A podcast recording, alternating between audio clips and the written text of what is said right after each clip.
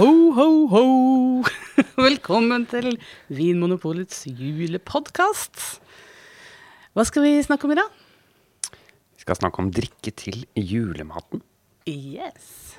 Og det er eh, julemiddagen vi tar for oss i dag. Selve liksom, hovedrettene.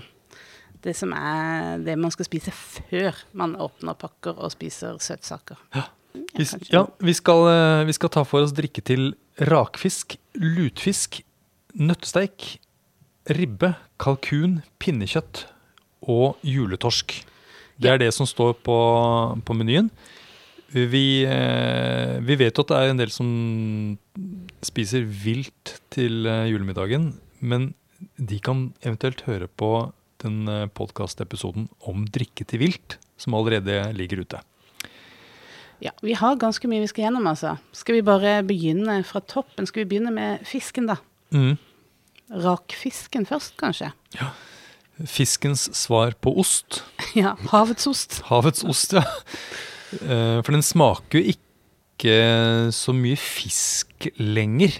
Eh, Utgangspunktet er jo en ørret, men så eh, er den, er den fryktelig salt og litt sånn skarp og utviklet. Utviklet som fermentert Ja. mm.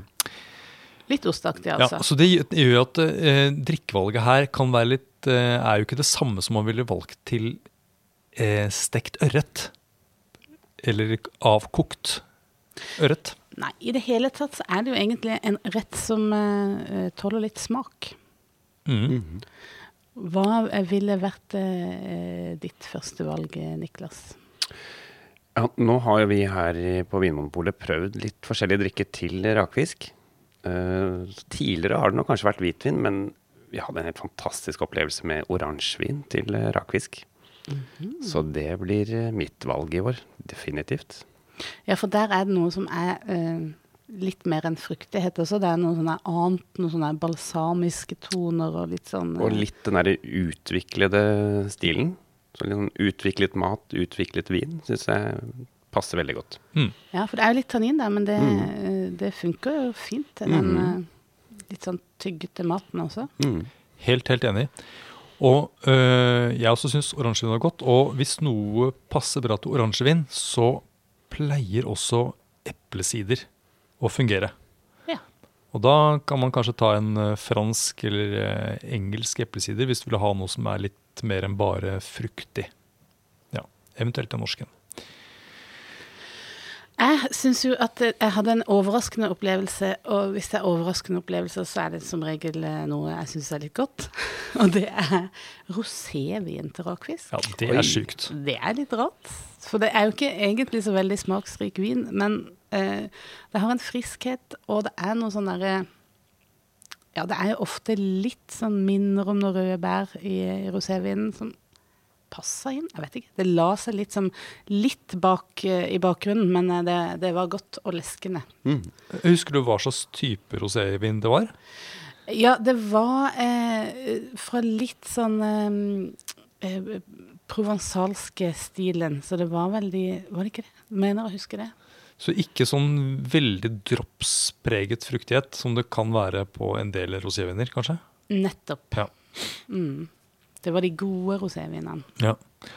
Eh, øl er det jo en del som eh, sikkert vil ha til eh, julematen. Hva slags øl, passer til rakfisk? Ja, noe litt sånn leskende. Eh, lyst øl. Mm. Altså, tenker jeg, har ikke prøvd det, men jeg tenker at et surøl også kunne vært veldig spennende. Ja. Det er jeg helt enig i. Et Ja. lyst uh, surøl. Mm. Usikker på om jeg ville hatt et øl med tydelig humlepreg her. Eller bitterhet. Ja, det kan fort dominere litt. Ja. Men her må jeg si, jeg har prøvd en gang eh, på en sånn test at jeg delte inn et panel i Liker du rakfisk, og liker du ikke rakfisk? og de som ikke likte rakfisk, de skilte seg ut på den måten at de syntes eh, drikke som var litt sånn dominerende, var bedre. Så da var det liksom veldig fruktige viner, veldig sånn der eh, eh, syrlige, eller til og med litt sånn humlebittert øl. Det var godt, kanskje fordi det døyva det litt, litt, av den smaken. Men ja, det er jo Ja. ikke det vi tar utgangspunkt i, da. Eh, og Niklas, du eh, fortalte nettopp at eh, en del kunder kommer inn i butikken og ber om rødvin Det til rakfisk. Ja.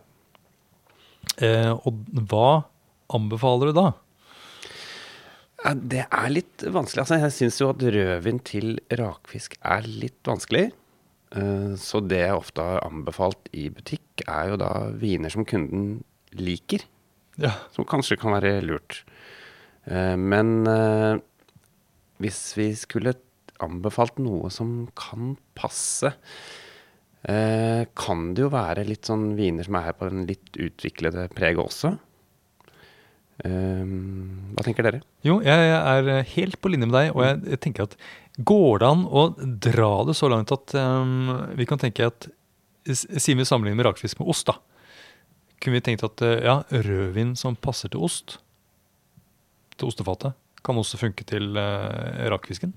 Og det er jo litt sånn eh, litt utvikla viner, syns jeg. Ja. Og ikke for trå viner, ikke for mye snerp.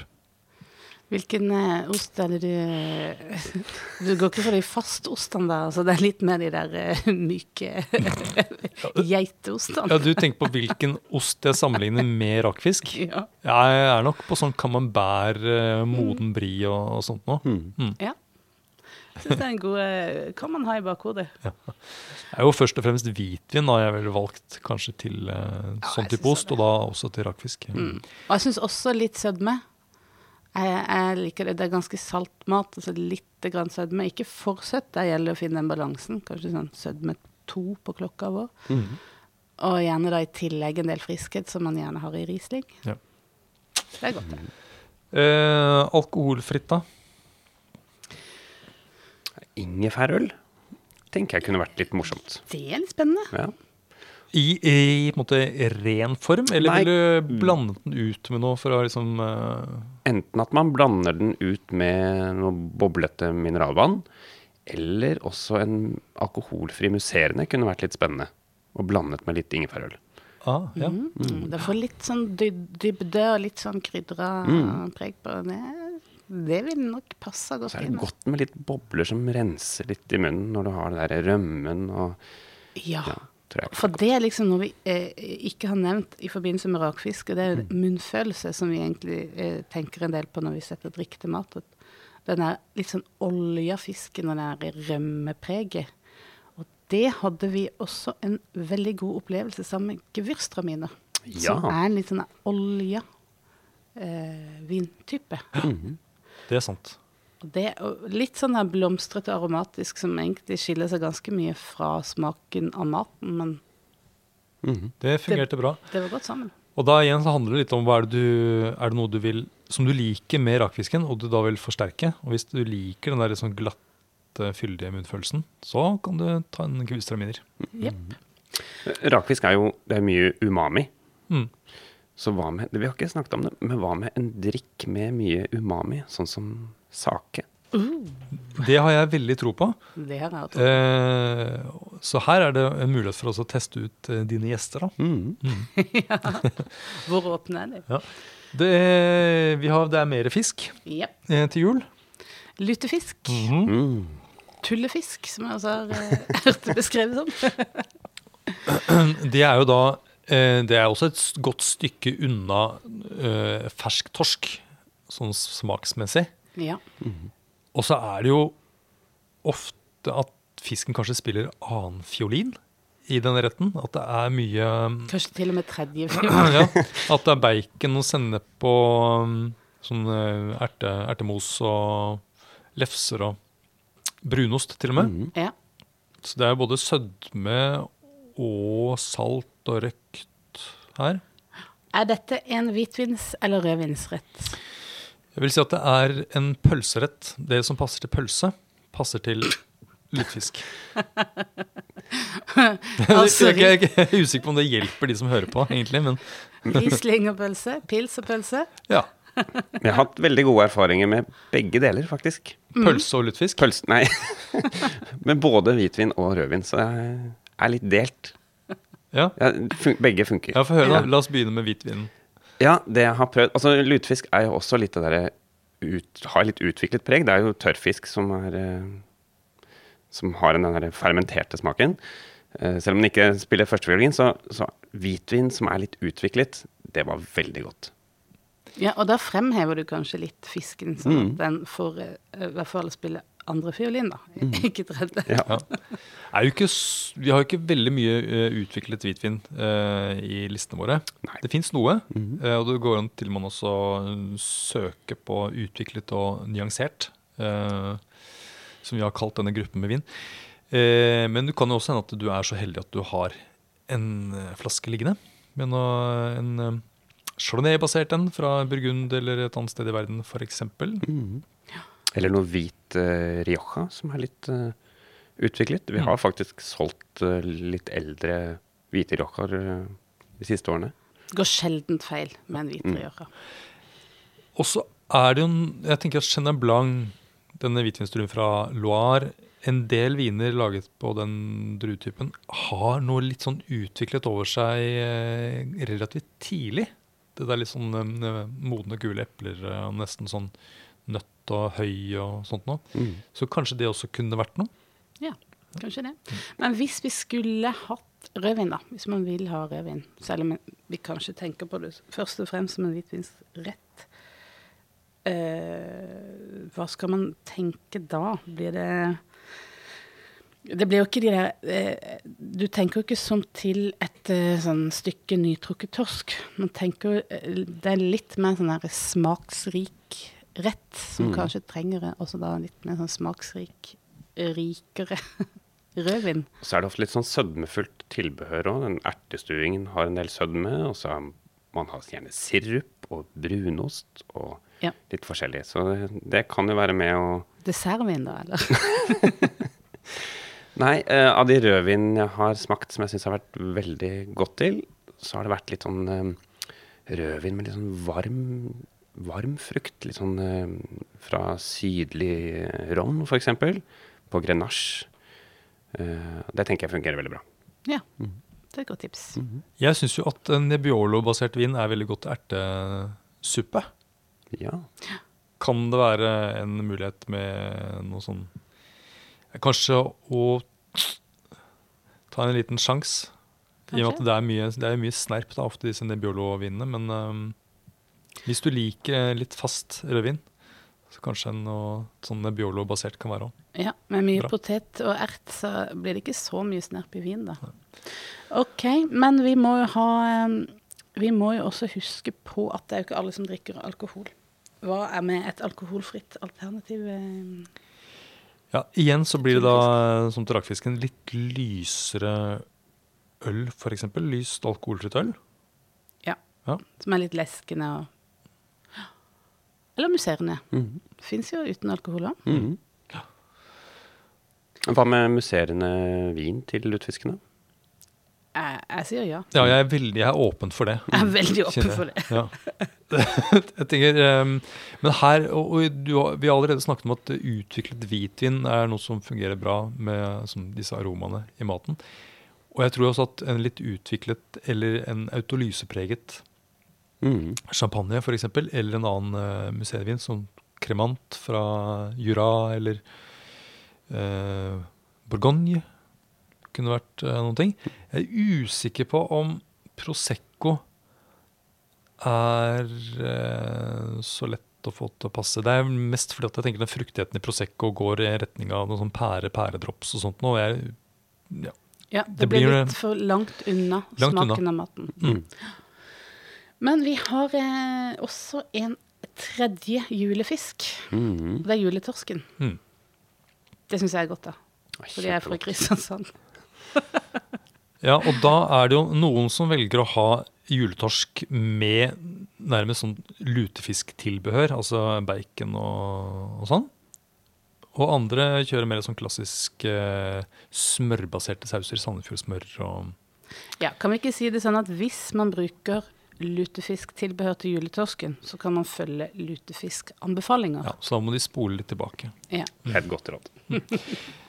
Så, nå, så la, da snakker vi nå om eh, juletorsk med en smørsaus. Smørsaus, Kokte gulrøtter og og kokte poteter. sprengte poteter. Sprengte mandelpoteter. Jeg hører jula til. Um, og dette her er jo ikke noe vanskelig. Det er ikke noe Nei. hokus pokus å sette vin til dette her. Og her tenker jeg at dette her eh, høres ut som en hvitvinsrett for meg. Ja, det er kanskje den mest sånn utypiske eh, juleretten. For de andre har veldig mye sånn til felles med sånn, veldig sånn svære, rike, salte smaker. Men her er kanskje litt sånn Litt mer dempa eh, i smaksbildet. Ja, Litt mer sånn delikat og sart rett. Ja, Ja. Og her tenker jeg her, en sånn god og fersk, nesten sprø, hvis man kan si det om, om, eh, om torskekjøttet. Herlig. Nam-nam. Og det er jo litt synd å kanskje å overdøve dette så fine fiskepreget. Så her vil jeg jo kanskje vært litt mer forsiktig med, med, med vinen. Så eh, kanskje en Premier Cru Chablis, for eksempel, eller noe lignende. Altså friske hvitviner med hint av fat og berme eventuelt. Du får litt av det smørpreget i vinen også. Mm. Tenker du det, eller? Ja. Ja. Og så bør det ikke være noe spesielt utviklet heller. Nei. Behøver ikke være så aromatiske, egentlig, vinene til eh, sånne liksom delikate torskeretter. Det kan godt være bare eh, nok konsentrasjon og friskhet og Mhm. litt sånn Ja. Eventuelt en sylvaner for eksempel fra Tyskland, hvis du vil ha noe som er litt mer eh, fruktig, uten at det blir helt pomp på Riesling-trøkk. Hvis, Eh, hvis du har litt mer av det smørpreget, så kan man gå for en litt sånn mer fatpreget chardonnay, sånn gjerne fra California eller den stilen der. mm. Hvis du syns smør er godt, og det jeg syns smør er godt. Hvem syns ikke smør er godt? Eh, og, og igjen, her også må det vel fungere greit med en musserende vin. Ja. Ja, eh, men den behøver ikke å være så utviklet eller sånn eh, rik i stilen. Eh, og igjen så er det kremant og He- Her kommer man veldig langt med en, eh, en kremant, tenker jeg. eventuelt en cava. Ja, cava eller sånn petnat, sånn som er sånn musserende, eller sånn perlende, bare med sånn bruskork. Mhm. Som eh, har eh, litt mindre bobler, men eh, ja, men jeg tenker eh, det vil funke bra. Vi kommer ikke unna rødvin, Nei. dere. fordi eh, her vet jeg at det, er, at det er tradisjon for mange å ha rødvin. Mm. Og i, i butikk så opplevde, opplevde jeg det at det var veldig mange kunder som ønsker rødvin til denne retten. Men hva er det viktigste da å tenke på når man skal sette rødvin til juletorsken? Eh, vi har prøvd det også, og, og for meg så er det viktig å tenke på at en rødvin ikke må ha så mye snerp. Eh, for det kan bli litt forstyrrende. Ja. I hvert fall for meg. Og det Og det virker som man ja. kjenner de nesten bedre sammen med fisken. Mm. Denne snerpen. Mm. Og da eh, rødvin som ikke snerper så fryktelig mye. Da er det sånn pinot noir fra sånn som litt Kanskje litt varmere strøk. Jeg er usikker på om jeg på en måte ville valgt burgundere, eh, kanskje. Så sånn amerikansk pinot noir, kanskje. Chilensk pinot noir, som gjerne er prisgunstige. New Zealand? New Zealand, oh, veldig godt, eh, godt valg. Eh, og så har vi jo Barbera og sånn fra Italia, gjerne de litt, litt rimeligere, som er litt, sånn, litt mer- lett på tå, friske. Eh, de har kanskje en sånn fruktighet som jeg kanskje av og til tenker går mot det litt sånn grønne og litt sånn vel blå i frukten, Eh, så jeg er litt usikker. Eh, Frappato er en eh, drue fra Sicilia som jeg syns egner seg til fisk når den kjøles litt ned. Mhm. Det kan kanskje ø, være godt uansett hvilken rødvin man velger. Og så ha, ha den i kjøleskap, ta den ut kanskje en halvtime før, eller noe sånt. Og så, sånn at den er litt avkjølt. Mm. Det er litt uvant for folk, og, Ja. men det får fram litt fruktighet i vinen, og det kan være Ja, sånn veldig fint i en sånn rett. Ja. Og så har det kommet mye bra vin fra Beaujolais laget på denne gamé-druen eh, i det siste. Mhm.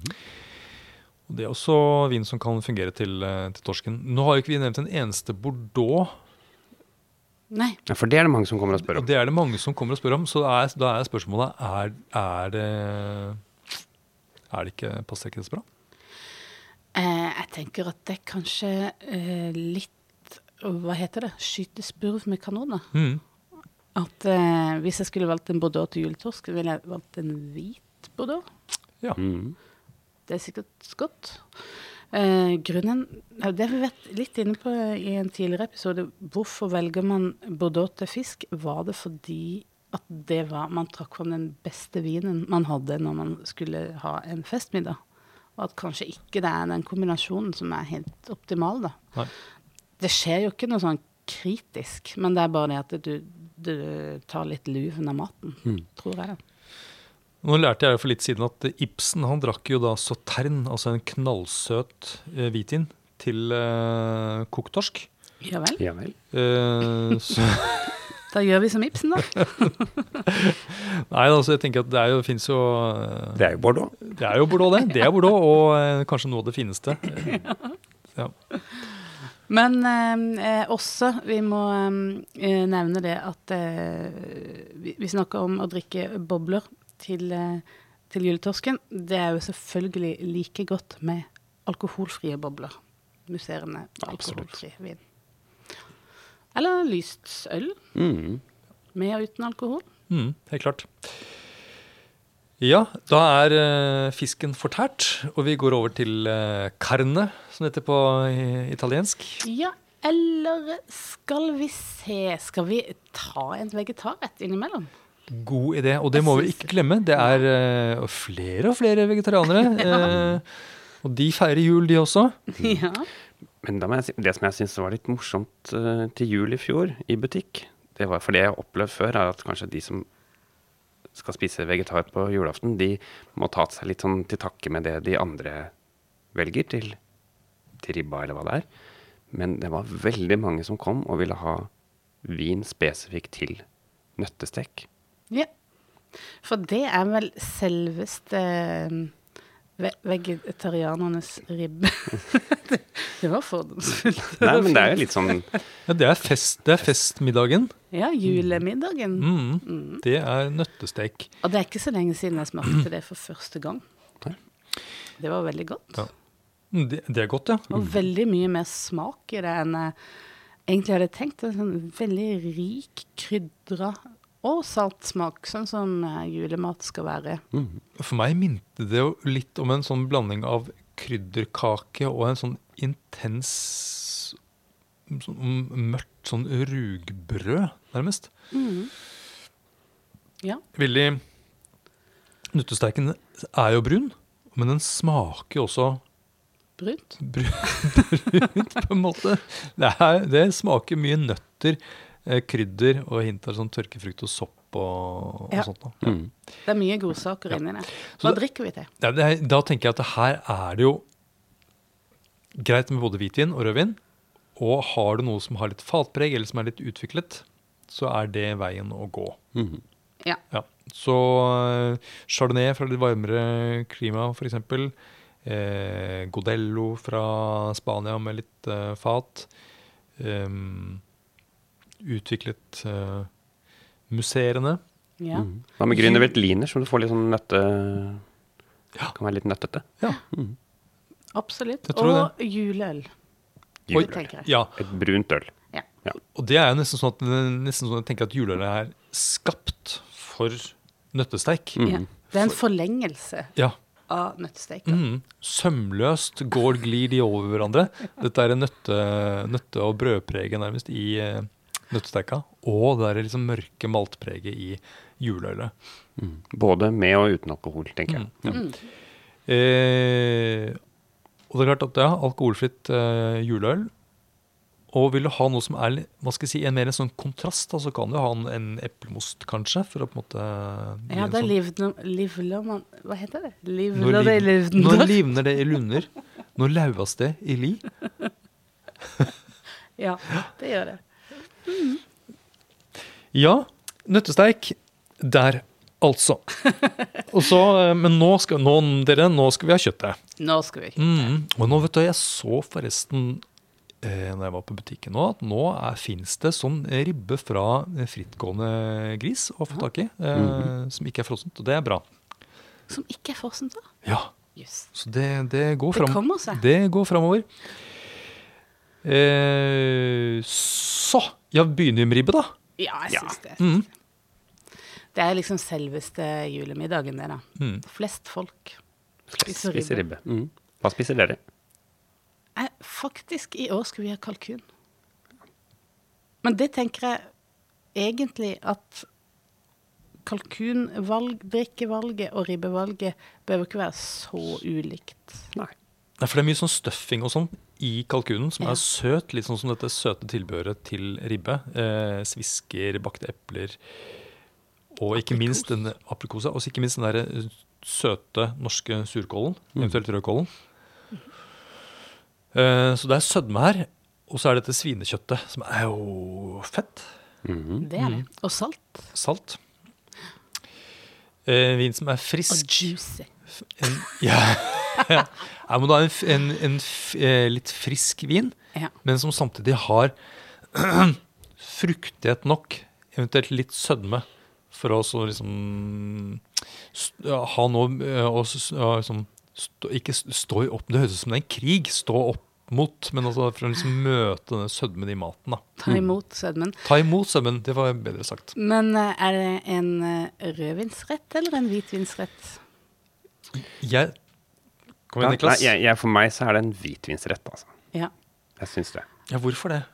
Jeg vet ikke. Altså, jeg jeg syns det er godt med litt den kontrasten med litt sånn friske og syrlige eh, Du kan få en, eh, en god hvitvin eh, som er godt i det feite og litt eh, sødmefulle maten. Mhm. Og det er ikke så lenge siden, det er ikke så veldig mange år siden det var litt sprengstoff å hevde at man skulle drikke hvitvin til, til juleribba. Nå er det ikke så kontroversielt, for jeg, å si Nei. det. Nei. Det, og mange velger Riesling til juleribba. Så, men eh, hvis vi skal da finne et alternativ til eh, en, eh, en god Riesling fra Det er jo først og fremst Tyskland, da, men også Alsace i Frankrike har jo gode Rieslinger, og ikke minst Østerrike. Chenin Blanc Ja. fra Loire, som vi har nevnt allerede. Det finnes også Chenin Blanc fra Sør-Afrika, som eh, holder god kvalitet. ja. Og da får man kanskje på en måte nyansert den fruktigheten, den der sylskarpe fruktigheten i en Riesling som blir, eh, blir ispedd noe annet i Chenin Blanc, som er litt sånn dybde. Mm. Men bra friskhet, som er, er godt til fettet. Mm. Hva med litt utviklet hvitvin her, da? Hipp hurra. Da får du gjerne litt den der, sånn sånn moden eplekarakter og sånn. Det syns jeg er veldig godt i ribbe. Ja. Til gris generelt. ja, Ja, enig. og til det karvepreget i surkålen og sånn også. Ja. Eh, denne oransjevinen som vi nevnte tidligere til rakfisken, kunne den eh, vært noe her, eller? Absolutt. Absolutt. Her er det jo eh, Her er det jo på en måte naturlig å servere til eh, eh, sånn eh, bakte epler. Ja. Mm. Og det tenker jeg har litt sånn den liksom bakte frukten i en god oransjevin. Det er godt. Helt enig. Og hvis man Vet du hva jeg gjør når jeg lager ribbe? Jeg damper ribba i tørr sider. Gjør det? Mm. Så du får en kjempegod sky med litt sånn, litt sånn der modent utviklet eplepreg. Sånn bakt eplepreg. Å, det er så godt. Og da drikker du sider til, da? Da drikker jeg sider. Ja, for det er jo altså eh, Ribbe er jo egentlig eple, eplemat. Ja, det er det. Det er eplemat. Og da, og, og da passer sider perfekt. Eh, og da fins det jo mye god norsk sider som har en sånn flott eh, eplefruktighet. Eh, så der er det mye å velge i. Og så fins det jo da engelsk og fransk sider også, som jeg tenker vil fungere fint til, eh, til ribba. Og sødmenivået her kan jo kanskje variere litt, men sånn forholdsvis tørr sider tenker jeg er, er godt for å få liksom litt liv i kombinasjonen. Mm. Øl. Ja, det eh, er jo ofte juleøl som serveres til. Ja, og det, det må jo fungere bra. Jeg tenker at den der sødmen i maten og det, den lille maltsødmen da i litt sånn brunere juleøl Og det der eh, brune sausen til litt sånn eh, mørkt øl også ja. Mhm. blir fremheva av hverandre. Jeg er veldig glad i surøl. Og jeg tenker at sånn som disse Gøs-variantene fra Belgia, de har liksom både den kompleksiteten eh, og liksom, Sånn at den liksom passer til mange forskjellige av disse aromaene i maten. Samtidig som det er et, et øl som er friskt. Ja. Eh, det syns jeg er godt til. I bøtter og spann. Mm. Det funker bra. det. Er det noe vi har glemt? Ja, alkoholfritt. Ja. Og vi har jo allerede snakket om at eh, eh, ribbe er eplemat, og her vil jeg virkelig slå et slag for eh, eplemost. ja. Og syns du at det blir litt for søtt, så er jo mitt tips også å bare blande i eh, mineralvann. Mm. Mm. Og da vil det Får man litt bobler også. Får du bobler også? Jeg, det syns jeg er eh, skikkelig godt. Ja, for hvis jeg skal ønske meg noe til jul, så ønsker jeg meg bobler til ribber. Aller helst champagne, egentlig. Mm. For det er også veldig godt. Ja. Det høres ut som champagne sånn generelt er kan funke til julemiddagen. Ja. Eller, vet du hva? Gløgg secco. Jeg tror jeg må forklare hva gløgg secco er for Ja. Nei, nå har jeg Vi har nylig, nylig bare smakt litt ribbe og alkoholfritt. Og da fikk vi en liten velkomstdrink som var da sånn eplegløgg med litt alkoholfri musserende. Og så hadde jeg den med meg videre til den ribbelunsjen. Og det var veldig godt. Da fikk du det der eplepreget, men du fikk også friskheten. ja. Og så litt det der krydderet. Krydderpreget, ja. Det var ve veldig godt. Så her var da en alkoholfri eplegløgg mm Mhm. blandet da med alkoholfri Alkoholfri musserende. musserende vin. Mm. Fordi når du sier gløgg secco, eh, for den originalen, gløgg secco original, Mm. det, det, det er jo eh, prosecco og, og gløgg. Mm. Ja. Ja. Og da eh, Tror du det passer like bra? Nei. nei. Nei, det tror jeg blir litt pussig igjen. Ja, men å blande litt av gode ting, som, Mm. eh, litt sånn som man gjør når man lager saus. Mhm. Det kan man jo gjøre når man skal drikke også. Ok. Vi har eh, én rett igjen. eh, ja, det har vi. Eh, og den er det jo mange som er glad i. Pinnekjøtt. Ja. Vi skiller ikke mellom eh, røkt og urøkt pinnekjøtt her. Nei. Nei. Vi tenker at det er jo generelt ganske salt. Mhm. Og dette er også en rett med en del sødme, spesielt fra denne rotmosen. Eh, dette er også en, en hva skal jeg vil kalle en brun rett, hvor ting er som, eh, litt sånn modent og kokt. Utviklet. Ja. Ja, så eh, jeg ville jo instinktivt gått mot igjen noe sånn litt sånn utviklet, eventuelt litt fatpreget, både på hvitvin- og rødvinssida. Ja. Og det er jo også intense smaker her òg. Man blir jo mett. Ja. Veldig mett fordi at det er jo så mye smak. Og da må man jo på en måte klare å matche den smaksrikdommen i drikken også. Mhm. Hvor skal vi begynne? Eh, Rødt eller hvitt ja, eller øl eller Kan vi ikke begynne med hvitt, da? Jo. Og da er det klassiske er jo kanskje Riesling, da. Det er mange velger, i hvert fall. Ja. Ja. Og her vil jeg vel si at det kan være verdt å legge litt ekstra penger på bordet, sånn at du får eh, litt mer sånn kjøtt på beinet i vinen. Eh, eventuelt litt at den er litt utviklet også, hvis det er mulig å få tak i. Eh, ja, så sånn enkeltvinmarks-rieslinger kanskje, og kanskje prøve å finne en årgang som ikke er liksom blant de kjøligste. Ja. Det var mange, Det var mange ting å if tenke and på. buts. Ja. Ja. Men bør det være litt sødme i den Rieslingen, sånn med tanke på det salte kjøttet, eller hva tenker dere?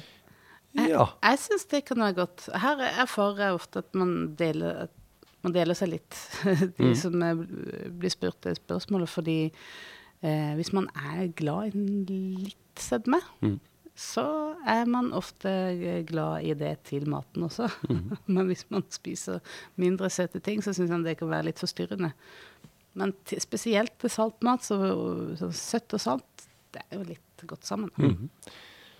det, eh, jeg snakket om litt med modning og sånt nå, og, det- og da tenker jeg at noen områder i Tyskland for eksempel, det jo, er det litt varmere. Og som i Falz kan også være et sånt eh, område som det er lettere å få den litt sånn modne fruktigheten i Rieslingen enn Mosel for eksempel, som er mye kjøligere. Eh, det fins jo andre hvitviner enn de som er laget på Riesling også, selvfølgelig. Eh, Ja. Vi har nevnt Sylvaner fra før, som er liksom litt sånn nedtonet eh, fruktighet i forhold til Riesling. Ja, og så har vi også lansert Chenin Blanc som en eh, slags arvtaker til eh, Riesling, eller en slags vikar mm. for Og igjen, ja, og igjen så kommer også Grünerveltliner av litt sånn høyere kvalitet for å få den eh, gode modningen. Og jeg tenker jo også at chardonnay med litt fatpreg uh, kan fungere bra. En litt litt svær En litt svær en, litt sånn bredskuldra en. Fra da er det sånn Sør-Afrika, California, uh, New Zealand eventuelt. Mm. Ja. Ja. Her kan man gønne på med Ja. litt trøkk i, i drikkevalget. Men det er liksom å si at man, noen ganger så kanskje man må litt opp i pris da, for å få en vin som har litt, eh, litt mer konsentrasjon og litt mer trøkk. Ja. Ja. Ellers kan det fort bli litt spinkelt. Her er det sånn motsatt av juletorsken, tenker Mm. jeg. Men eh, en eh, kombinasjon som er en slags favorittkombinasjon til pinnekjøtt eh, blant oss, er oransjevin og Mm. pinnekjøtt. Det var liksom det som fikk øynene opp for meg for hvor eh, anvendelig oransjevin er til mat når det er på sitt beste. Da jeg tenker at det er den derre eh, fruktigheten og de der eh, balsamiske i en skikkelig oransjevin til det der eh, sauebeina. Salte sauebeina. Det, det gjør noe veldig fint sammen. Mm. Enig. Men det må være en oransjevin som har liksom tydelig oransjevinpreg. Mm. Mm, Det er jo en del som måtte For best effekt. For å få mest effekt, ja. Det er bare å spørre om i en, i en butikk, Ja. så hjelper det deg med det.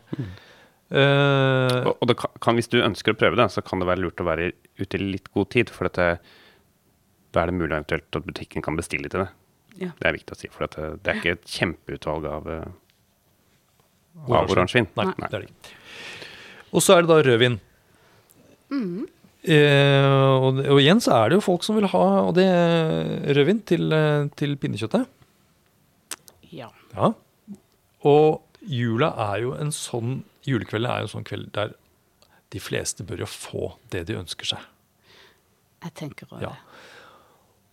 Og hva ville dere valgt da av rødvin til pinnekjøtt?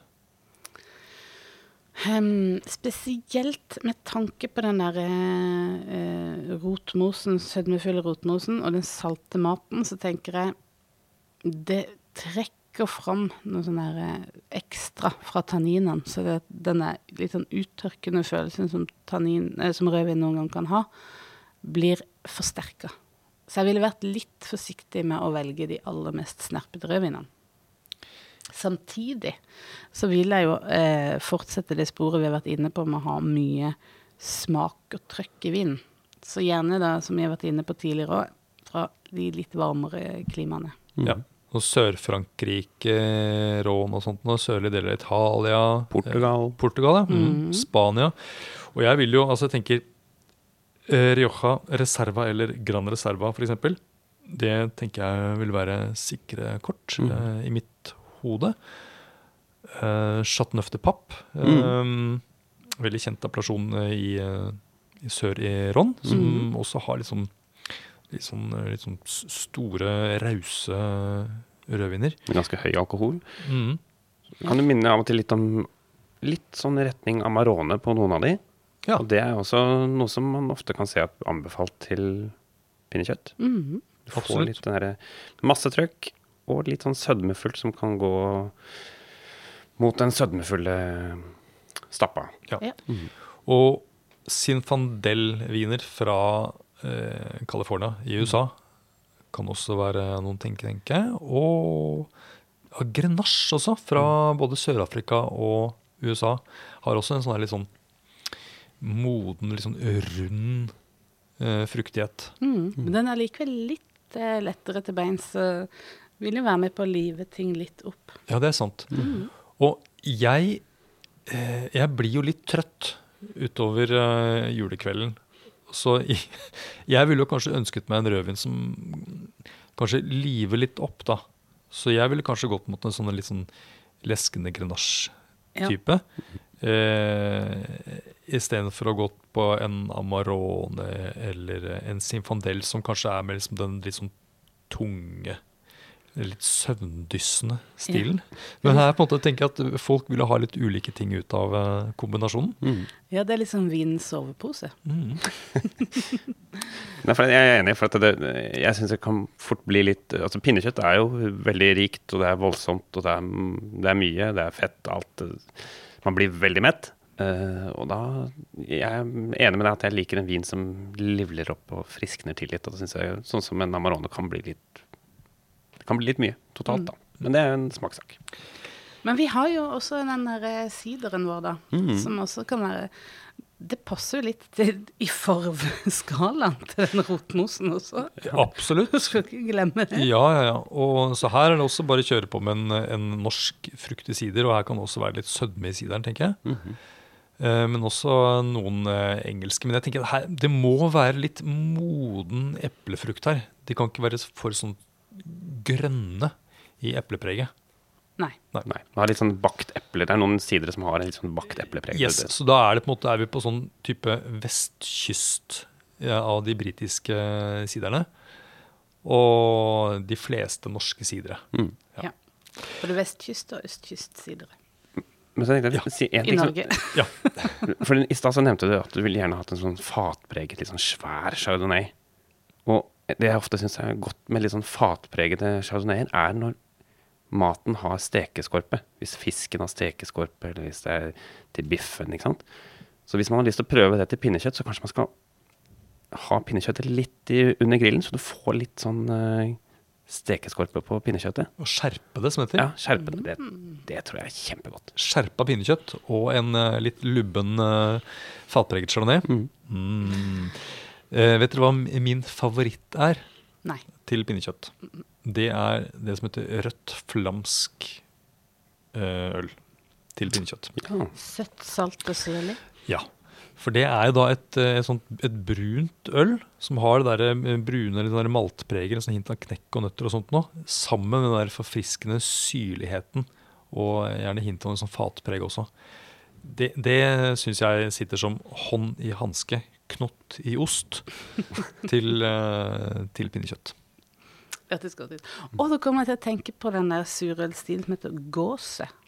Som har tilsatt litt salt. Ja. Blir det for salt? Jeg er litt usikker på om det, om det er nok i en gåse. Ja, At de er litt sånn for- anemiske i, eh, i denne sammenhengen. Nettopp. Ja. Mm. Men Ja, det eh, her er det, det er bare å teste ut. Ja. Jeg har ikke burde. Alkoholfritt. Eh, ja, må være nok Det må ikke være de aller eh, syrligste, tynneste eplemostene her.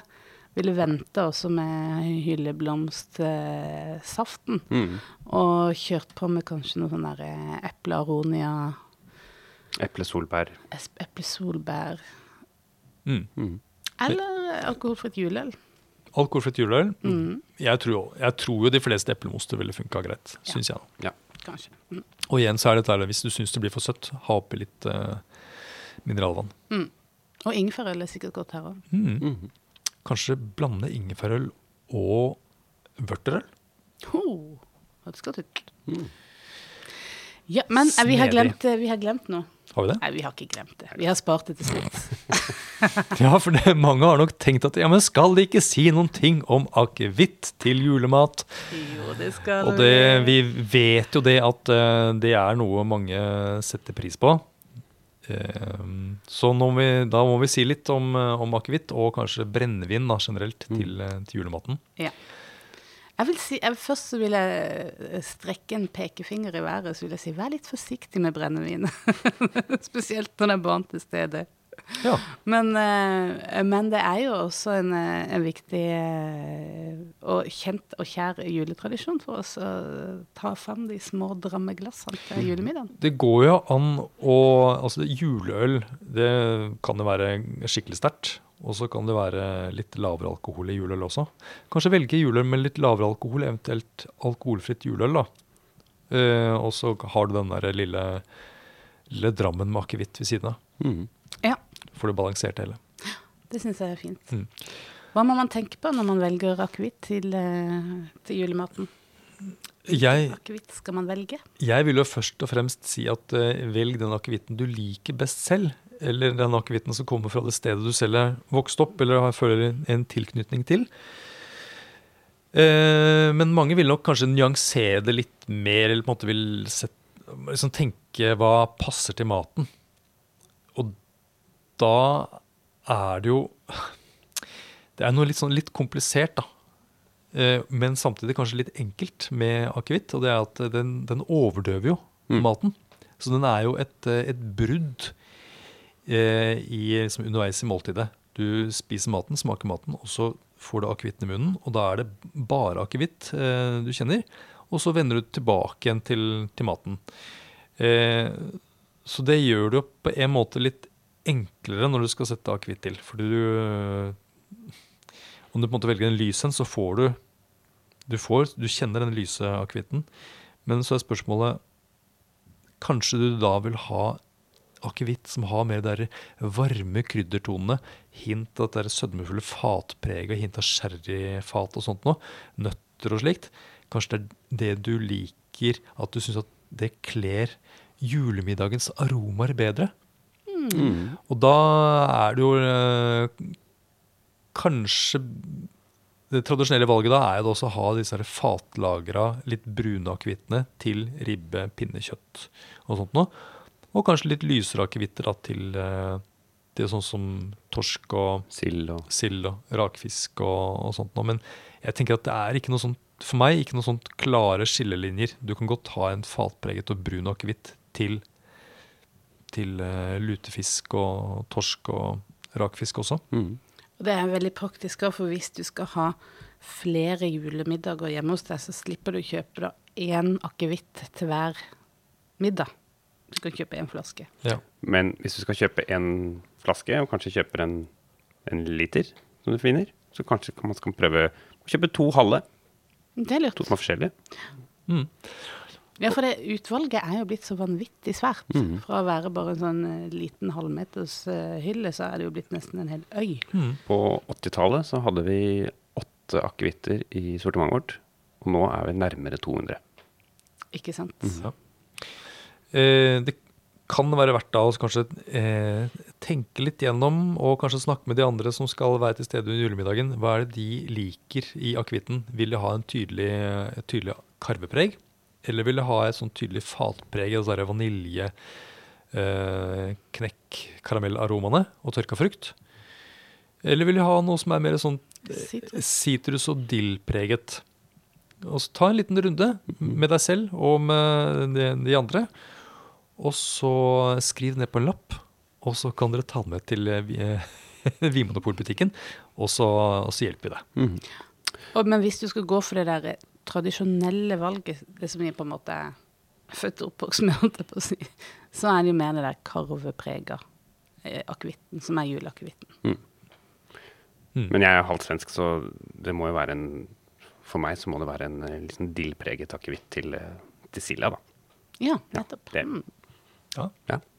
Men, men det er også mange som velger en litt sånn veldig fatlagret, litt sånn kraftig akevitt til pinnekjøttet.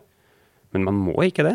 Man kan ha en litt mer sånn eh, elegant, kanskje litt mer, mer mot, med sitruspreg og sånn, som er sånn kontrast. Litt sånn som har snakket om da med, med Riesling til pinnekjøttet. Så du Ja. kan gjøre det samme med akevitten. Ja, helt Mm. klart. Fordi som vi snakket om, at det er, det er ikke noe fare for at akevitten taper. Nei. Den, den vil du kjenne uansett. Mm. Mm.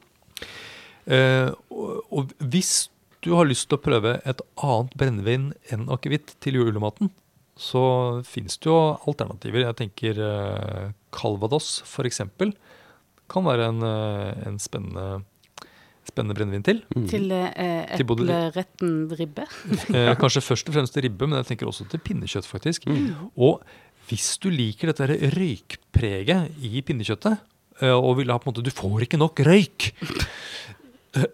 Da går det faktisk an å ha en liten whisky til, Mm. med hint av røykpreg. Ja. Alle skal få det de vil til jul. Ja. Mhm.